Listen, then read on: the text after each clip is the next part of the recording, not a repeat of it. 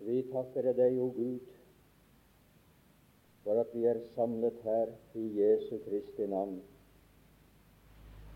Takk til deg for alle som har fått en ny sang lagt i deres munn, en lovsang til Gud for hva du gav oss i din elskelige Sønn.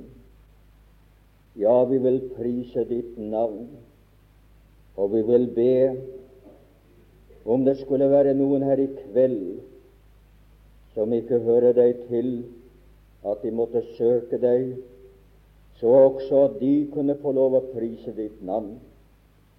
Takk for det som du fjernet ved din død og renset ved ditt blod.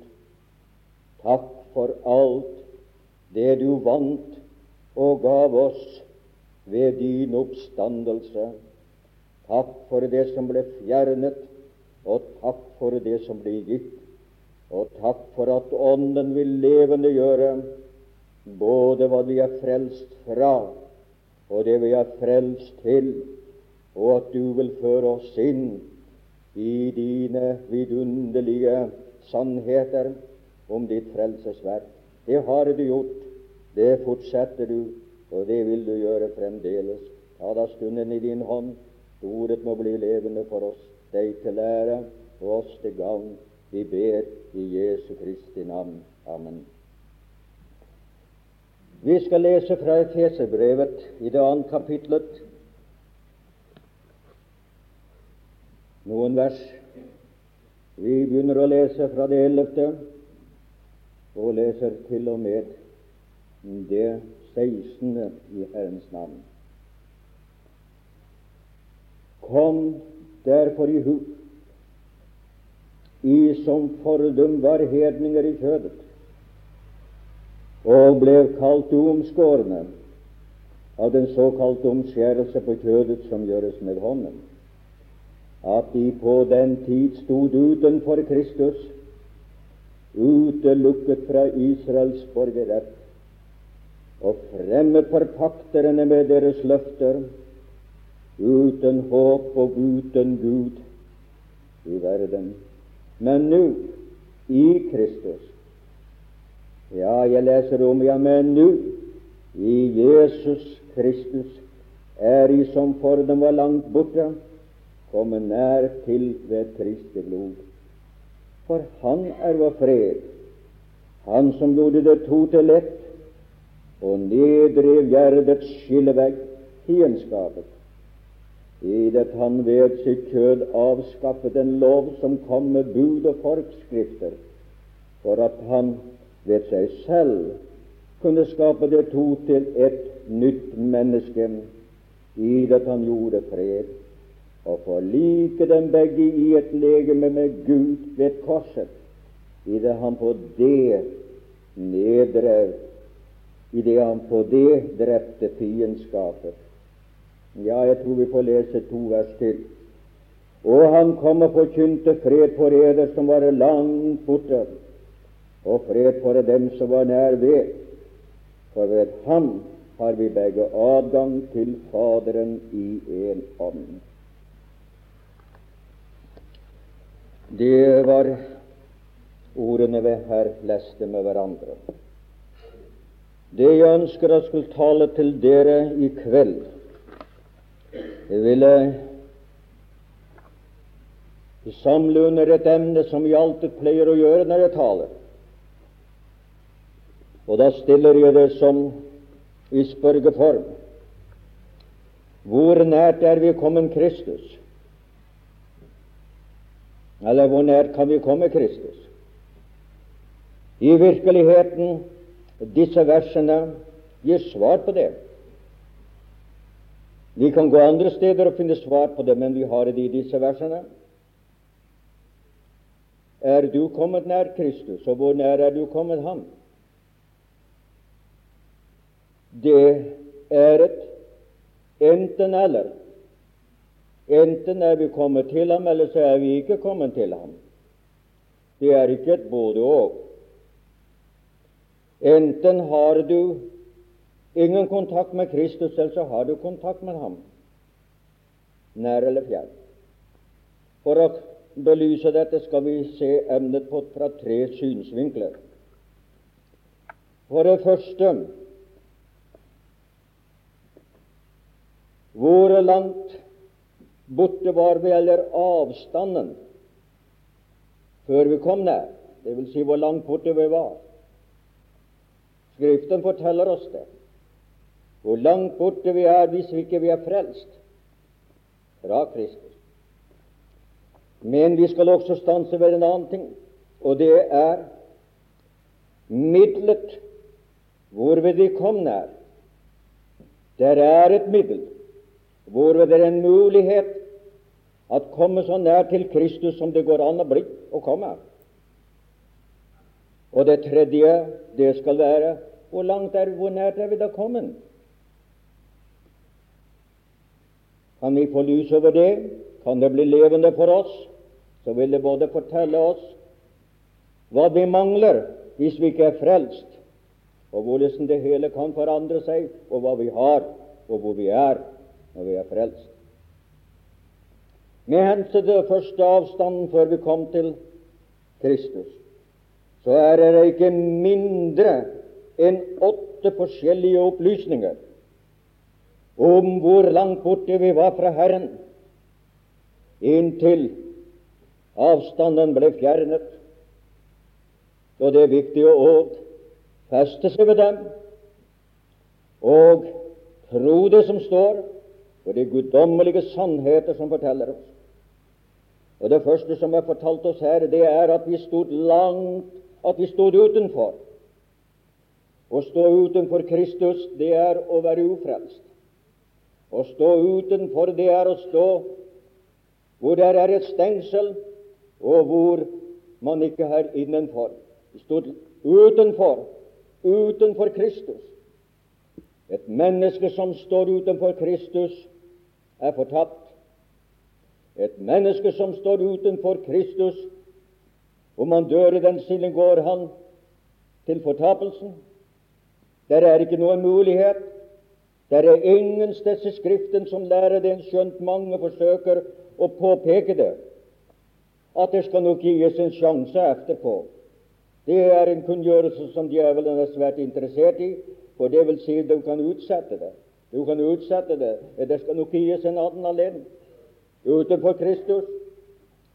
Men en videre, den som er ufrelst, han står utelukket. Utelukket for Israels borgerrett, står det i det tolvte vers.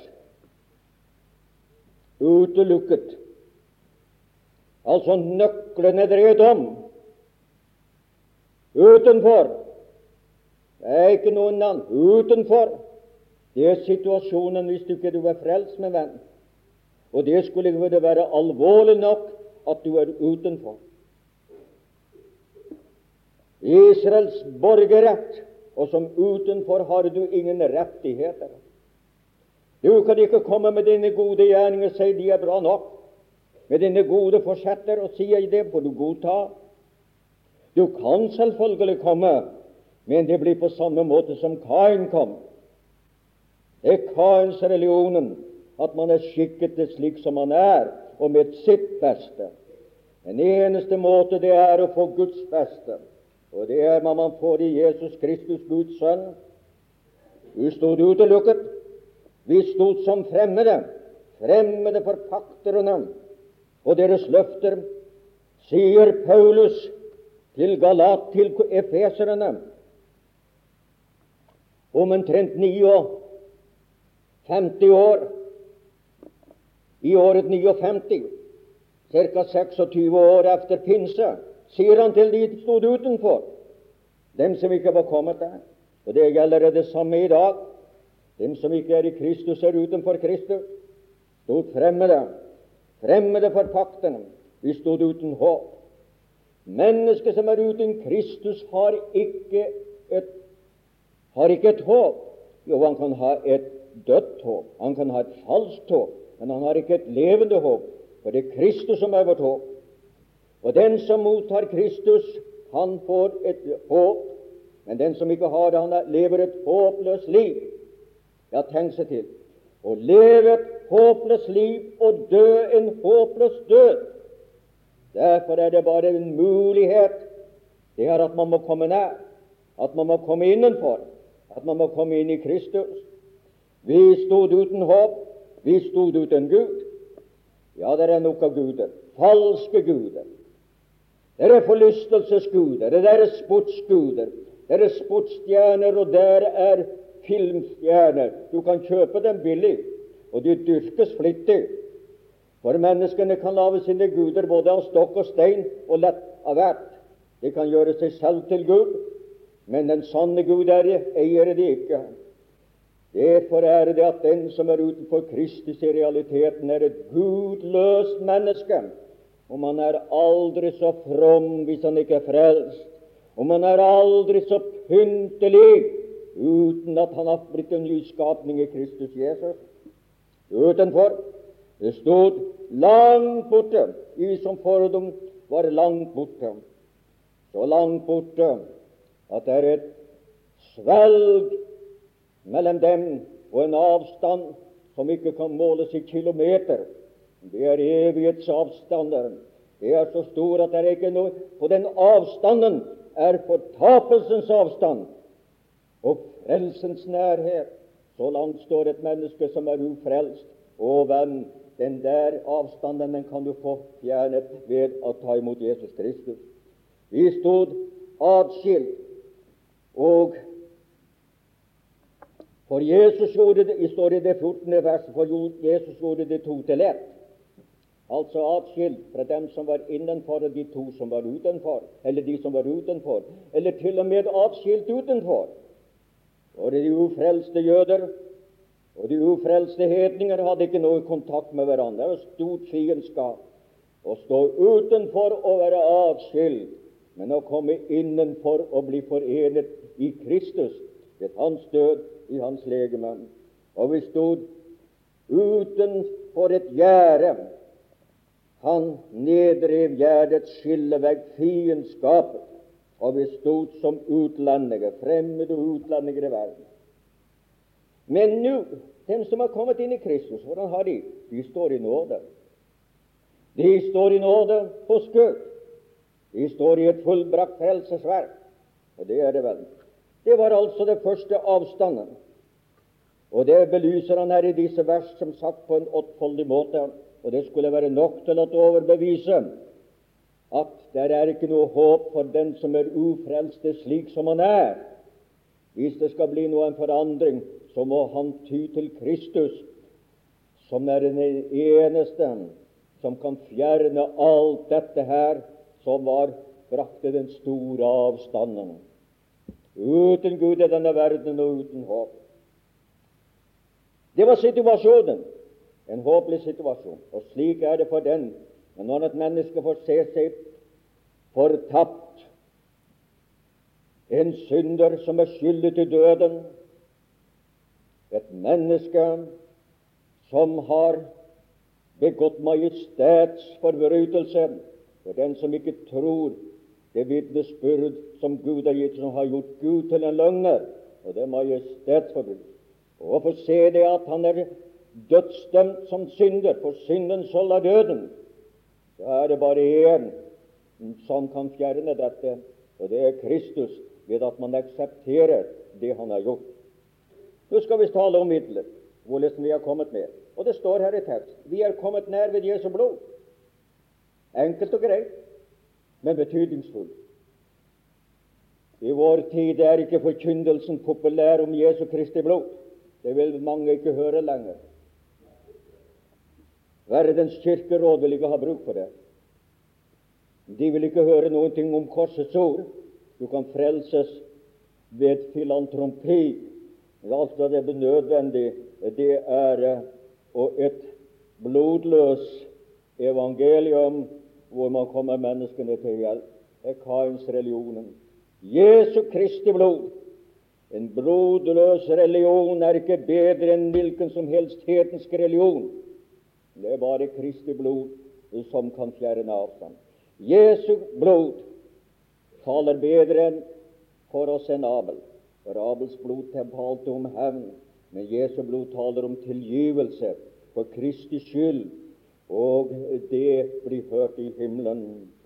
Jesu blod løskjøpte oss, kjøpte oss løs hvor vi satt fast, kjøpte oss fri der hvor vi var bundet.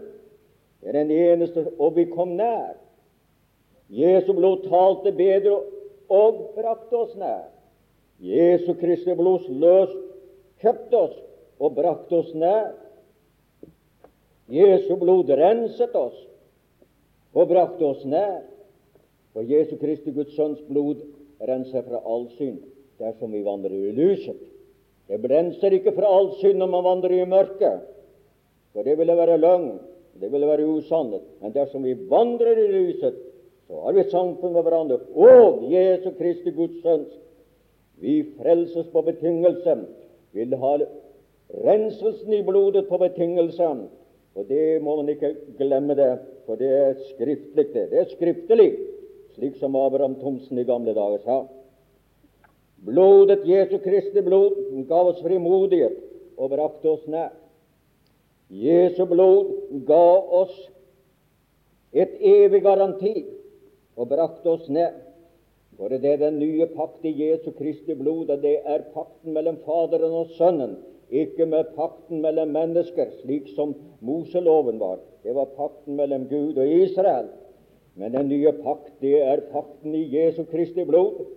Mellom Faderen og Sønnen, den er ubrutelig. Og den som på blodets grunn og paktens grunn kommer til Herren, han er brakt nær. Han er brakt nær. Brakt ned med guddomskraft og med guddomsmidler. Ja, Jesu blod forlikte oss og brakte oss nær. Å, det er en vidunderlig forlikelse. Forlikt ved Jesu Kristi død. Forlikt oppad med Gud. Forlikt utad med dem som stod utenfor, jøder og hedninger. Forenet, forlikt. Ja, og så har han for Gud forlikte verden med seg selv. Han sa han ikke tilregner dere synder, og han har nå nedlagt i oss ordet om forlikelse. La dere forlike med Gud. Og det springer vi videre i kveld. Er ikke du forlikt? Gud er forlikt. Han ble forlikt med Sønnen. At det som ble gjort, det var godt til frelse for verden som vil tro det. Det var gjort, det som skulle gjøres. Det var betalt, det som skulle betales. Det var fjernet, det som skulle renset. Gå inn i et fullbrakt verk og opplev frelsen full og fri. Det er dette blodet som brakte fri. Ja, for Gud vil fremdeles se blodet.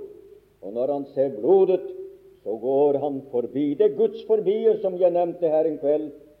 Det er Guds forbier. Det ramte Kristus for at det skulle gå deg og meg forbi. Blodet dekket over vår fortid og vår nåtid, og den brakte oss nær. Og blodet for blod, forsoning, det er forsoningsblod. Forsoning dekker over, betyr å dekke over. Over hundre ganger er den omtalt i, i Mosebøkene, i annen og tredje og fjerde Mosebok. Jeg har forsonet over hundre ganger, men uh, forsoningen i den gamle pakt betød å dekke over. Men jeg kan jo dekke over noen ting, og det er enda der. Og Derfor har vi i Hebrev det, det, det tiende kapittel at eh, blod av, av bukker og dyr altså kunne ikke bortta synder. Nei, de kunne ikke bortta det. Men derved fikk de en minnelse om synden. Det er bare et eneste blod som kunne rense synden. Men de fikk tilgivelse. Men det ble ikke renset annet enn symbolsk. Jesu Kristi blod er det eneste blod, det syndefrie, det guddommelige, som kunne fjerne synden.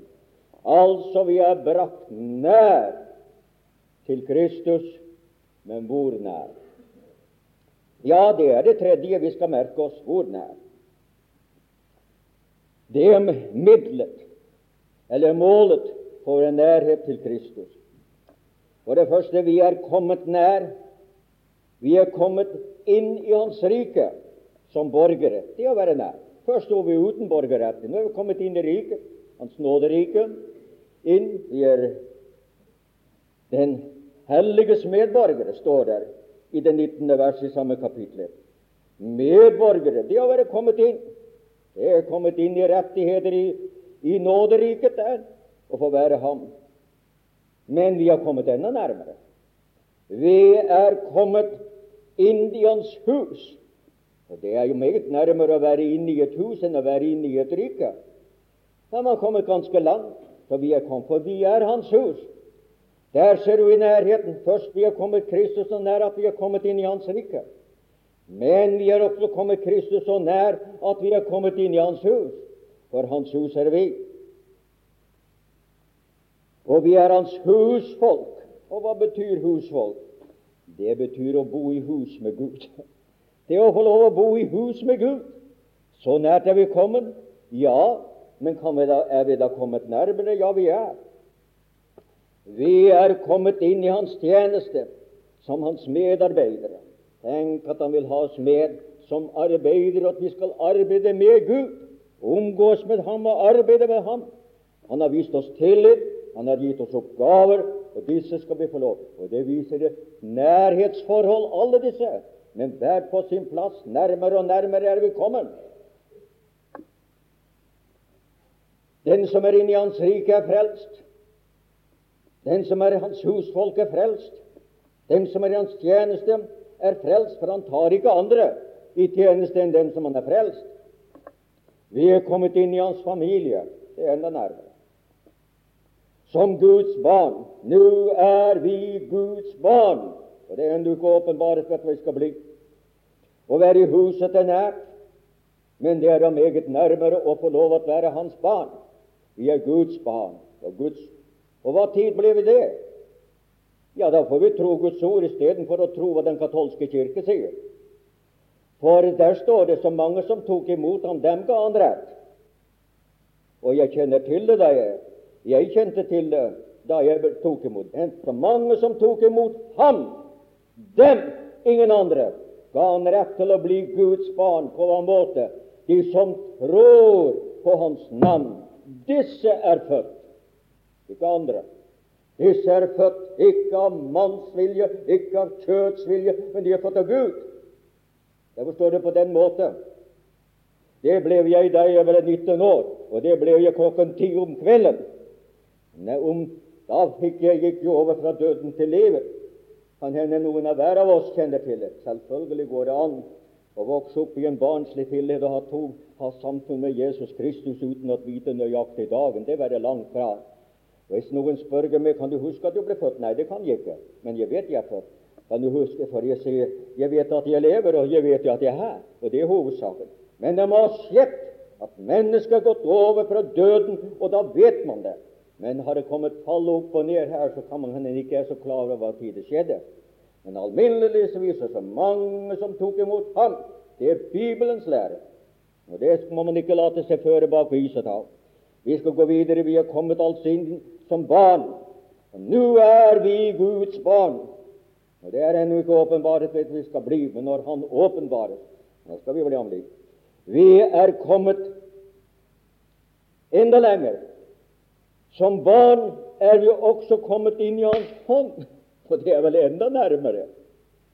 Kommet inn i Kristi hånd. Ja, han sier, og vi er i Fars hånd. Jo, ingen kan rive dem ut av min hånd. Det er enda nærmere.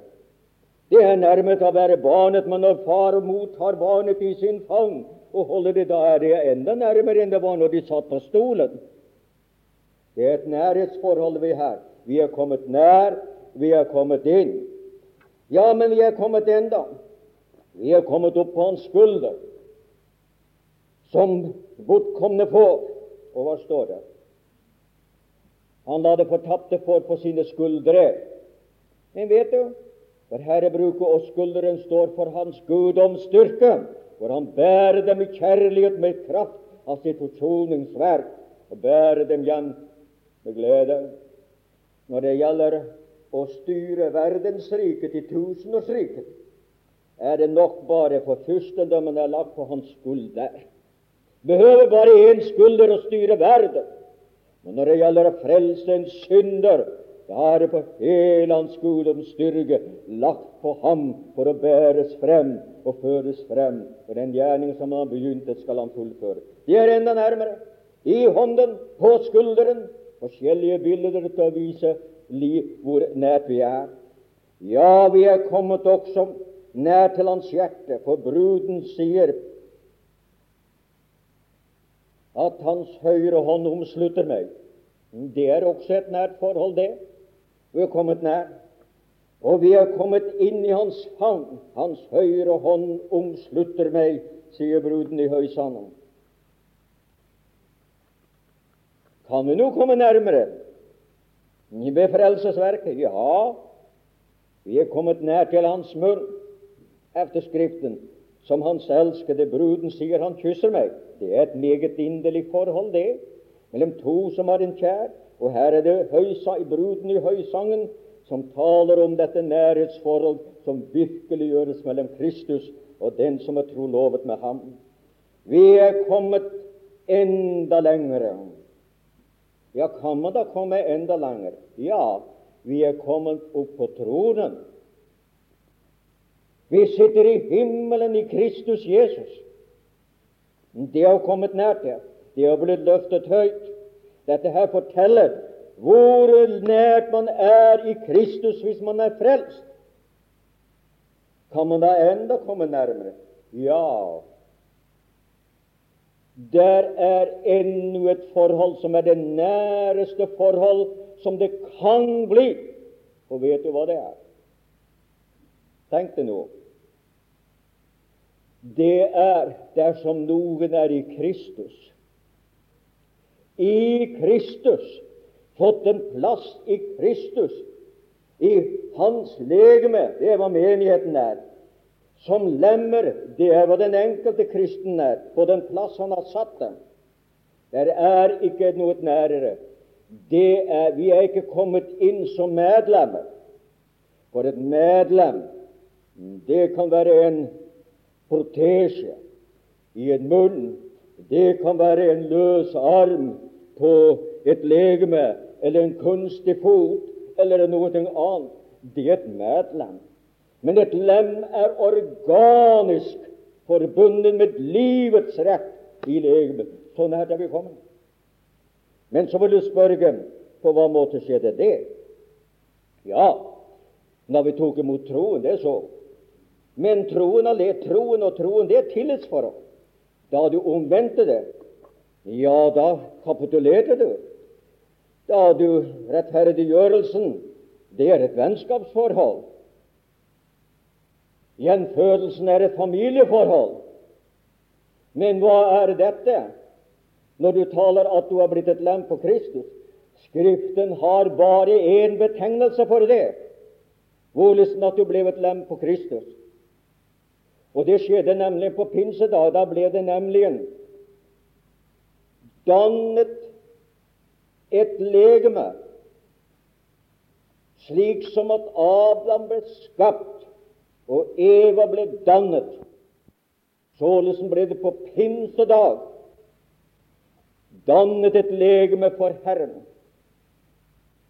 Et legeme, den skal Det må vokse et barn som er født. Det var de 3000 apostlene som utgjorde dette legemet de 3000 første dag, men det var en baby. Og først når, at, og når det er bryllupet, da er det, det, det gifter man I Kina ble en baby, kunne bli en baby og bli gift. men det, det praktiserer ikke Vår Herre. Således er det hvordan blir det en baby dette, En baby det er et fullkomment legeme, men det er ikke et fullvoksen. Daglig la Herren dem til menigheten som lot seg frelste, som kom inn i legemet, og dermed vokser legemet. Og når det legemet har nådd Kristi fylde, at den siste er lagt til, da er bruden i fullvoksen. Da er bruden fulltallig, og da kommer han og henter henne til seg. Sånn Men denne begivenhet, når det er spørsmål om menighet, da kalles det å legge til. Når det er spørsmål om legemet, for menigheten og legemet er ett. Det er en og samme ting. Legemet er på, nei, menigheten, det er vårt forhold. Det er, vi er til som menighet på vårt forhold i verden. Vi er der for Han. Legemet har mer med stillingen å gjøre enn tilstanden å gjøre. Men jeg får ikke komme nok inn på det. Da har Bibelen en betegnelse, og den er en meget viktig betegnelse å forklare hvordan det foregår. Vi er kommet det aller nærmeste med en bestemt handling som Skriften omtaler. Og nå skal jeg lese den. Det er i første Korintiens. Jeg talte lenge i går. Jeg kan godt hende at jeg må tale lenge i kveld også. Det er slett ikke utenkelig. Det er meget viktig, det, det vi hører her. Det er så viktig at det er en hel masse som får vei. Jeg for vill i de spørsmålene i ti år som predikant, og måtte gå tilbake på forkynnelse som jeg ærlig og oppriktig har trodd. Men så snart jeg fikk se det holder ikke, så ville jeg da virkelig ikke stå og fortelle, fortelle og forkynne noe som jeg ikke trodde på, og som Guds ord direkte sier nei, det passer ikke. Nå skal du høre. I, og Har du det, så skal du skrive det ned, hvis ikke du er klar. Det er i første Korintien. Det forteller oss Olesen at vi kom inn i legemet. Legemet vi fører om det i det første Korintiens, det tolvte kapittel og det trettende vers. 12, 13. For vi er jo Jeg vil lese det tolvte. For like som legemet er ett og har mange lemmer, men alle legemets lemmer, om enn de er mange, dog er ett legeme, således er det også med Kristus. For og forteller dem hvordan det skjedde. For vi er jo alle døpte med én ånd, for vi er jo alle døpte med vann. Står det slik? Ja, men det er slik er det mange mennesker som leser det. Ja, men du skal lese det det står. Det går ikke an å legge noe til det som du skal lese det det står, for det har Gud inspirert. Det man sier selv som ikke står, det får man stå for, og kan hende fortelle feil. For vi er jo alle døpte med og en ånd til å være et lekeme, enten vi er jøder eller grekere, enten vi er trell eller fri, og vi har alle fått én ånd å drikke. Legg nå merke til følgende. Vi er alle døpte med én ånd. Der finnes ikke så meget vann i denne tekst som det finnes i Det er mer vann i Sahara enn det er i denne teksten. Den er vannløs. Det finnes ikke dåp i den. Det er ånd. Det er åndsdåp det taler om. Det er det det taler. Og så forteller du også hva er formålet. Forteller hvor mange er åndsdøpt, og hvilken villfarelse det er i vår tid på det området. Hvor mange er om? Vi er alle Ja, det var vel i Korint, det. Vi er alle døpte med en ånd. La meg få lov å si ikke er det ilddåp, ikke er det vanndåp, ikke er det lidelsesdåp. Det er døpt med Ånden. Og så spør vi hva tid skjedde det? Ja, men Noen forteller oss det skjedde, og dessverre jeg forkynte det òg.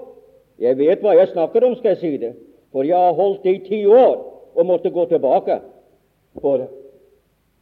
Ja, det skjedde noen ganger etter at du ble frelst, så fikk, måtte behøvde å bli åndsdåp, for du var jo ikke bedre enn disiplene for pinsedag, og så skulle du få din åndsdåp.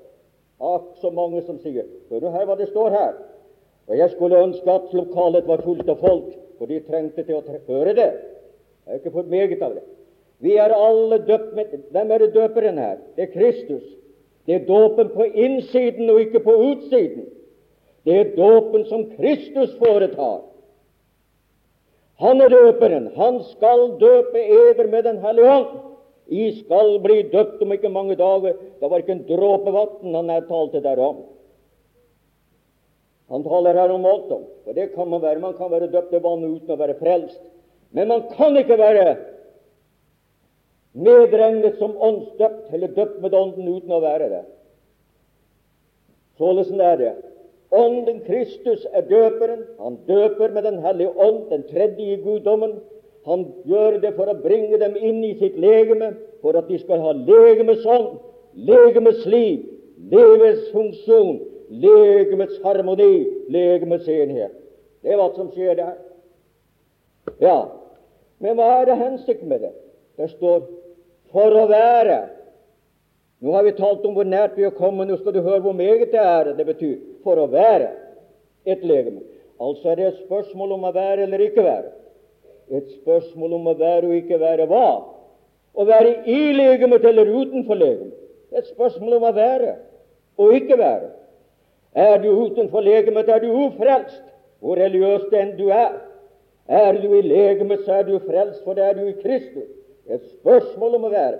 Å plassere det åndsdåpen etter at man er blitt frelst, er ubibelsk i aller høyeste grad, for det strider mot Guds ord. Vi er alle døpt med det noen til å være ett legeme. Vi har over 20 forskjellige 25 forskjellige oversettelser av Det nye testamentet. I noen av disse templene så står det We are all baptized by one spirit into one body. Jeg har jo vært ti år i Amerika og kjenner det engelske språk. Vi er alle døpt med én ånd inn i et legeme. Hørte du det der? Til å være. Inn i legemet til å være. Altså, det er ikke på utsiden, det er inni legemet, og legemet er menigheten. Der kan du se. Ja, men hvem det? Det var dem i Korint. La oss høre hvor mange det var. Jo, enten vi er jøder og greier Vi, apostlene. Ja, ja, det får vi jo gå med på at de var åndsdøpte apostlene. Det er vel ikke noen som, som er uenig i det. Men vi er alle ja, i Korinta. Ja, ja, det var det jo også. Det er. Men vi er alle døpte med dåd, enten vi er jøder eller grekere. Se der. Altså er det ingen nasjonal forskjell, for jøder var nasjonal og grekere. Ingen nasjonal forskjell, enten de er jødefrelste eller de er hednere som er frelst. De er alle kommet inn i Kristi legeme, det legemet som ble døpt på pinsedag. Og hva skjer det? Da kalles det senere i Kristus, i Kristus, i Kristus. Det er, nevner Paulus over hundrede ganger i Kristus, og det er skjedde ved det. Den ene det er en uh, objektive side da det ble til. Den andre er den subjektive da det ble en virkelighet for oss. Men det kalles ikke dåp da. Det var at de tok imot Kristus, kommet inn i Kristus. Nå ja, altså det var ikke forskjell på jøder eller greker. Der var ikke forskjell enten vi er trell eller fri. Der er ikke klasseforskjell. Hører du det? Det er ikke klasseforskjell. Enten en trell eller en fri. Døpt med Den hellige ånd. Enten vi er trelle eller fri. For vi har alle fått én ånd å drikke. Døpt med Ånden er én ting, og fylden av Ånden er en hel annen ting. Dåpen er i Kristus inni Kristus.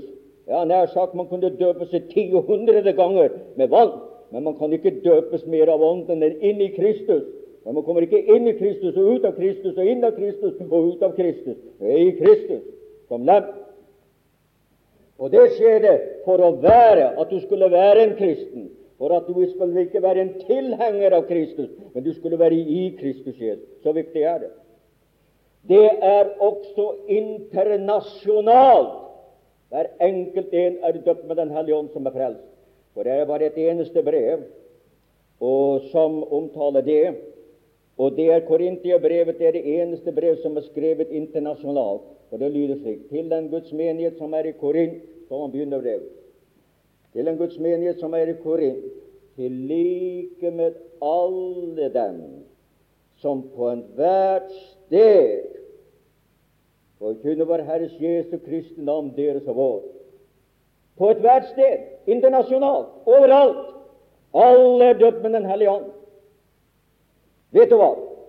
Paulus skrev 14 brev. Det er mer enn halve delen av epislene Halve delen av Det nye testamentet, bortsett fra evangeliene, har Paulus skrevet. Han har skrevet hundrede kapitler. Han nevner dåpen denne Den hellige ånd bare en eneste gang, og som et fullbyrdet faktum. Det er viktig. Og det var 26 når jeg leser det, det var 26 år etter pinse. Da hadde han vært forkynner i ca. Jeg tror det var 24 eller var 23 år, jeg kan i øyeblikket ikke huske. Og han nevner åndsdåpen som en faktum, et fakta i ære. Men så kan det være noen Vil du høre mer? Eller har jeg fått nok?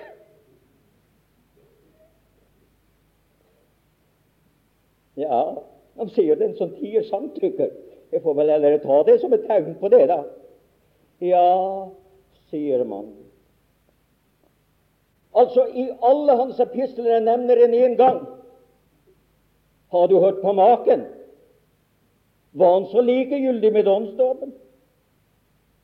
At han skriver at han får inspirert av Den hellige ånd og nevner det bare som et fullbyrdet faktum når det reises land og strand og holder at inntil på et møte kan man få høre over 20 ganger du må bli døpt med Den hellige ånd. Det må være noe rispende galt når Paulus bare en eneste gang sier og skriver det nevner dette, at det er et fakta komplett. Men så kommer det noen, og det er der hvor de kjører feil, og som jeg har vært med i. Derfor kan jeg tale med autoritet, for jeg har smakt på forkynnelsen. Jeg vet hvor den var. Det var i Amerika. Jeg måtte forlate det. Ærlige folk, gode folk, oppriktige kristne, der kan være meget rett i hjertet og meget galt i hodet. Det er faktum det. Det kan være meget galt der. For til og med dåren skal jo ikke fare vill når det gjelder frelsen. Men spør en dår om at han har lyst i Guds ord, det har han ikke. Men hans frels kan bli frelst. Og det er meget som kommer til å brenne opp læremessig når man står for Kristi domstol. Det kan du være sikker Ja, så sier jeg, ja, men apostlene, da? Apostlene da for pinsedag, de, måtte, de var da frelst? Ja, på gammeltestamentlig grunn, men ikke på nytestamentlig grunn. Nytestamentlig legemets tilblivelse er pinsedag. Da skjedde det. Ja, men det var frelst. Hva er forskjell på det, da? Ja, det er den forskjell på at den gamle, det var den gamle pakken, den nye, og den nye pakken er alt nytt. Ja. Der er et bedre blod, der er bedre løfter, der er bedre påske, der er bedre pinse, der er bedre ypperste prest, og så får alt er blitt nytt. Hvor meget har det da på gammeltestamentlig grunn som frelse? Ja, de var omvidd, og så er vi. De var troende, og så er vi. De var rettferdiggjort, og så er vi. Og rettferdiggjort er ikke en gjerning i oss, det er en erklæring at vi blir godtatt for en annen. Så at vi tror, på Gud rettferdiggjør den ugudelige. Og Når du ser på det rettferdiggjorte i Det gamle testamentet, så er det mange av dem hvis liv vil, man vil ikke ha dem i en menighet. Se, dere har hatt David i menigheten! det var det langt fra. Eller for eksempel eh, eh, Salomon med sine tusen medhustruer. Kunne bli en bra forsamling. Kunne det velsignelse være. Men vil du ha det med? Nei, det var det langt fra. Men min miskunnhet skal ikke forlate ham, sa Herren. Det er det. Altså, hva hadde dem ikke som vi har? De hadde Ånden med seg, vi har Ånden i oss. Det er forskjellen. Og Jesus sier den som ikke Dersom noen ikke har Kristi ånd, hører ham ikke til. Og det får vi det øyeblikk vi kommer inn i legemet. Da skjer det. Nå, hva da? De var De hadde ikke Den hellige ånd. Det har vi. Det er forskjellen. De var ikke gjenfødt. Det er vi. For det er på Nytestamentlig grunn vi er gjenfødt til et levende håp ved Jesu Kristi oppstandelse fra døden. De hadde ikke Den hellige ånd som besegling. De hadde ikke Den hellige ånd som pang. De var ikke i Kristi legeme. De var ikke dødt med Den hellige ånd. Det er særeiet, mine venner. Det er den nye pakts særeie som er forskjellen. Og her kommer feiltagelsen, at man sier de Guds barn før pinse Nei, ikke Guds barn. Vi er Guds barn. De troende før pinse må ha sin pinse. Ja, i overgangen, men ikke etterpå. Hvordan så i Samaria? Og så blir det jo gjerne sagt dette Ja, men du må ha din, den kjennetegnet på at de var, det, at de var åndsdøpt. Det var jo dette at de talte i tunger. Og du må ha din tunge. Hvis du ikke taler i tunge, så har du ikke noe bevis for at du er åndsdøpt. Jaså? Skriften sier en hel del om dette, om det forholdet der. Den sier uttrykkelig at tungene er ikke et tegn for de troende, men for de vantro. Ja, men det sies jo at det er et tegn for de troende. Altså stikk det motsatte av det som Skriften sier. Stikk det motsatte av det Skriften sier, at det skulle være tilfellet. Og Skriften også sier dette om dem, som er meget også viktig, dette, at han ville tale til dem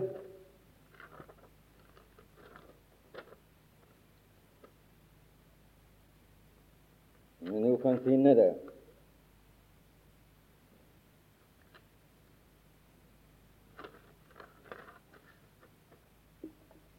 Ja, vi får ta det.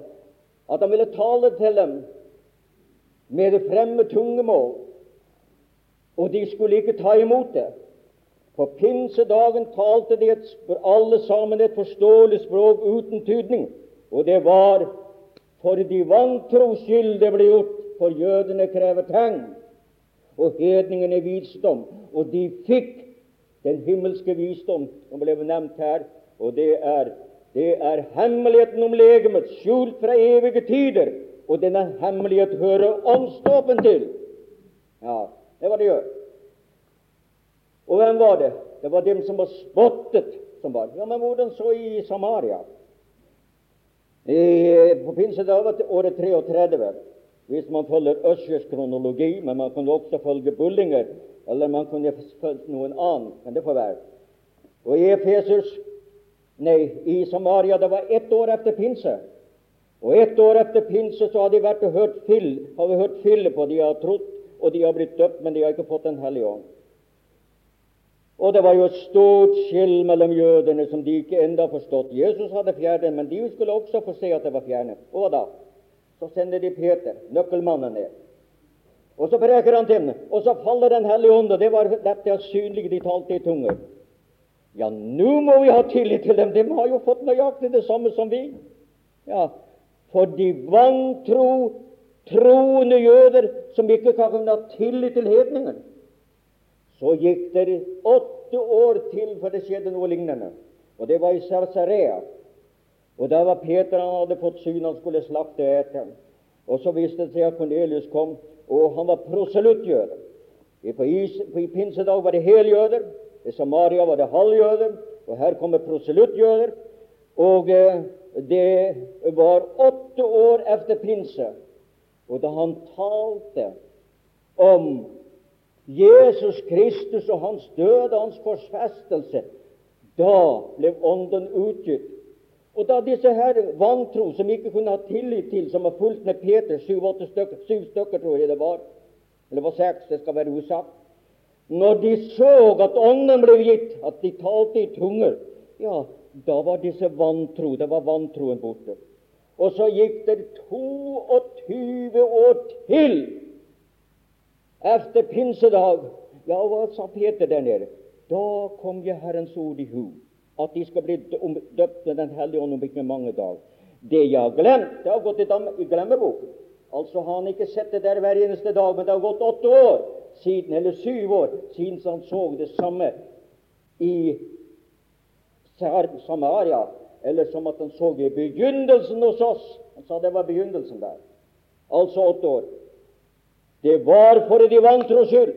Så gikk det helt frem til Efesus, og det var 22 år etter pinse. Og hva da? Da var det proselytt. Nei, da var det Johannesdøper. Og da var det også De har ikke hørt noe om Den hellige ånd, de har ikke fått den, og da fikk de Ånden. Ånden er omtalt og ble gitt en eneste gang i Israel, en eneste gang i Samaria, det er et land, Israel. Og Samaria var et land. En gang i det landet, en gang i dag. og en gang i Lille Asia. Nei, i Cesarea, det var i Syria. Og i Efesos, det var i Lille Asia. Og en gang også omtalt i Korint, det var i Europa. Altså bare én gang på hver av disse steder. Og jeg tror det er 19 eller 20 vekkelser i apostlenes gjerninger, og ikke en eneste ting utenom det, for å høre. Altså er det et falsom, om det er aldri så klart. Den er gitt til et tegn for det vantro. Ellers, når man tar imot Kristus, blir man ført, lagt, ført inn i en fullkommen verk, og hver eneste en er. En annen sak er det å bli fulgt av Den hellige ånd. Og hvor meget er det da verden med tungetall? Det er ingenting som har skapt mer splid, ikke som mer enn skapt til. Jo, Paulus sier det. Jeg ville heller tale fem ord med, min tunge, eller 10 000 år med, eh, i tunger. Vet du hvor lang tid det tar? Ja, jeg preker lenge igjen når jeg får våge seg. I, på, på mandagsmorgen reiser jeg, så da, da får jeg da tid til å vente med. Nå ja, skal vi se. Da dette nå skjedde, at de ble døpt med Den hellige ånd. Gud vil at vi skal forkynne slik som det står. Som det står. Og det er at alle disse var overgang til Det nye testamentet. Og av disse 20 vekkelser hører vi ingenting om det. Det er bare fem ganger tror jeg det er sagt Johannes Sudus, han skal døpe eder. Og Jesus sier 'skal bli døpt'. Og Peter sier, eller, ja, Peter sier da kom Jehova til de skulle. Og så Johan, også dem to peker fremover, de andre peker bakover, til, til pinsedagen.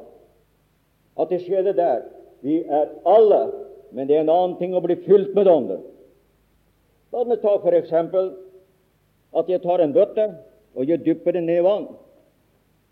Nå skal ikke her bli spørsmål om eget vann eller lite, må ikke misforstå det med vanndåpen i det. forstår. Jeg preker ikke dåp. Paulus han roste seg av at han, at han hadde døpt at han hadde døpt bare én familie. Jeg lurer på hvordan det ville gå med en baptistforstander som roste seg av at han hadde bare døpt en familie eller for den saks skyld en pinseforstander. De roser seg av hvor mange de har fått døpt. Peter Paulusen sier 'Jeg er ikke kalt til det jeg er kalt til å forkynne Kristus'. Og det forener, som annet annet er dåpsspørsmålet, det splitter og setter om. Jeg har sett tre vekkelser blitt ødelagt, og menigheter blir splittet just på det spørsmålet. Den blir splittet ved å høre Kristus døde for dem, at vi har alle ting i ham, at alle våre kilder i ham, våre velsignede frelser, som, som, vi skal være opptatt med. Jo da, det er viktig. Det er det ditt. Du kan bli full. Dypper jeg f.eks. en spann nede, så kan jeg dyppe den ned i vann. Det kan hende jeg får litt i den, kan hende jeg får den fullt, men det er Dåpen er i Kristus. Det er ikke vanndåpen taler med. Dåpen er én gang Fylden er en gjentagelse for andre, gang på gang. Peter er omtalt å bli fylt av Ånden tre ganger etter pinse. Vi trenger å få bli fylt av Ånden. Hvorfor? For å være Dåpen er til liv, fylden er til tjeneste, til brukbarhet. Og Derfor må det gjentas, og vi må det. Jeg har følt at jeg skulle bringe dette, og så håper jeg at jeg måtte hjelpe noen til ikke begrepet av tidens villfarelse, som går og preker stikk det motsatte av det Paulus gjorde. Og vet du hva? Jakob, Johannes ja, Det er nevnt bare én gang i, i, i evangeliene. Nei, det Johannes sier skal bli døpt, men det er den ene gang de omtaler alle. Johannes i sine brev nevner det ikke. Og da har Paulus vært død omtrent 30, 30 år. Peter nevner det ikke.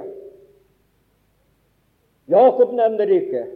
Juda nevner det ikke. Og Jesus, som kommet og avsluttet Det nye testamentet, som har et budskap til hele den universelle til den lokale menighet, de syv brev, til den lokale menighet, til det var det var skrevet til den enkelte, den var skrevet til menigheten, den var skrevet til alle menigheten. Hver av disse menigheter strekker seg fra pinse og til Kristi kommer. Og det var mange ting de refset om. Ikke et ord om åndsdåp. Tvert imot er det det motsatte. Tro, vil du anklage Kristus at han har forglemt dette budskapet? Denne forkynnelsen er ikke enda hundrede år. Og hvor meget det har blitt tusenvis av splittende samfunn på denne forkynnelse. Men det er ikke en sjel som blir splittet ved troen på Jesus Kristus. Avstanden var målmidlet, blodet. Nærheten, den næreste inn Kristus. Herren har ikke stebarn. Og den forkynnelse fører til at de blir store i sin ånd og tror det er noe. Og hva var det? Var det det som forferdelig godt liv i, i, i, i, um, Korint? Det blir jo gjerne sagt at du må ha det for at du må få fylden, og du må få kraften, og du må få sådan. Det er ikke en eneste menighet som er så kritisert. De var alle mulige slags synder innenfor den menigheten. De var, de var brakt inn i legemet. Det var det. De andre menigheter ble ikke kritisert for dem, og det var ingen som talte så meget. Jeg sa ved sted, det kommer jeg bort fra, at fem ord i tunger og ti, nei, fem ord forståelig og 10 000 ord i tunger Vet du hvor lang tid det tar? Fem år tar fem sekunder. Hvis man er så rappmunnet på munnen som jeg er. Og 10 000 år, det tar 20 minutter! Som det må ta 20 minutter til for å tolke det. Hvor meget av Guds ord fantes den gang Paulus talte det? Det er en hel del predikanter som ikke kjenner til det. Der fantes siger og skriver bare tre av de nytestamentlige skrifter. Det var Matteus evangeliet, skrevet i år 37 for jødene. For jødene, for det er rikets evangelium. Så var det det neste som ble skrevet, det var første Tessalonikerbrev. Og det tredje, det var Korintierbrevet. Det var alt de hadde. og Derfor sier Paulus vi taler stykkevis og profeterer stykkevis. Men når det fullkomne kommer, da skal det stykkevis opphøre. Hvilket har han snakket om? Han har snakket om Guds ord. Han skrev 14 stykker, og resten av Bibelen har ikke Nytestamentet har han ikke lest. Og når det fullkommer, så omtales en del som skal ha de ekstraordinære tengaver, står det skulle opphøre før det fullkomne kom. Å, hvor det fares vill det. Det var ikke lett for meg. Jeg var sendt med den skolen for å bringe det samfunnsbudskap som jeg tilhørte. Og jeg måtte bøye mine kne og lese min bibel på kne. Med tårer på min kinn skal jeg, må jeg forlate disse venner som jeg er glad i, fordi de forkynner vel og forkynner galt. Og måtte det, og så sto de på bar bakke. Gud ga meg det, og jeg har sett det, at det holder. Og mine venner, jeg vil gjerne advare at ikke noen rives med av tidens vrangforkyndelse som setter splittelse på Guds barn. Du har det i Kristus, men Hans fylde kan vi få mer og mer. Det Han kan fylle oss med. Og selvfølgelig gir Han gaver, det skal jeg ikke benekte. Men eh, det ser ut som at bare man kan si noen ting i tunge, det er toppen, det. Og så er det 17 nådegaver. Og hvor mange av dem er det som, som søker dem? Hvor mange er det som søker de andre? Nei. Så det som er minst Noen har kalt det barnepludder. Det får nå stå for deres sak. For deres sak. Men saken er den. Nå ja, nå er det visst på tide at jeg slutter. Ennå har jeg ikke sett noen har sovnet. Nei. Og så håper jeg at ingen må, må misforstå meg. Jeg gjør dette av kjærlighet, for å bringe noen, og de skal slippe for de smerter og de lidelser som jeg måtte oppgi. Den gangen hadde jeg en lønn på 10 000, og det var mange penger. I 1920 ja, det var jeg forsikret og garantert. Og jeg sa nei for Kristus skyld og sto på bar bakke. Det gjør man ikke uten som at det er en hjertesak. Og jeg har prøvd, og jeg har funnet at det holder an. Lav ikke splittelse i Guds vård. Han har ikke stebarn. Du har det, Kristus. Så ber vi, Herre Jesus, at du vil ved din ånd hjelpe oss at vi ikke må lese Bibelen slik som åtteåringer, men at du må lese oss med den visdom som er ovenfra, slik at vi står for å se at det står atteskrevet, slik at vi ser lys i ditt lys. Og det er jo det som du har gjort, den store hemmelighet, dette at vi har alt i Kristus Jesus og kan fylles og fylles av Hans nåde og av Hans vilje og av Hans kjærlighet. For det du vil fylle oss med, det med Kristus. Det er med Kristi kjærlighet, og det er med Kristi nåde, og det er med Kristi fred, og det er med Kristi kraft. Å, takk, du har nok å gi for alle dem som vil leve helt og nær for deg. Sinns og tilhørende, unge så vel som eldre, vi stiller oss inn for ditt åsyn. La din vilje skje med oss. Vi ber i Jesu navn. Amen. La din vilje skje med oss. Vi ber i Jesu navn. Amen. Nå har jeg bare to prekener igjen. På Søndagsmorgen formiddag skal jeg tale om sending.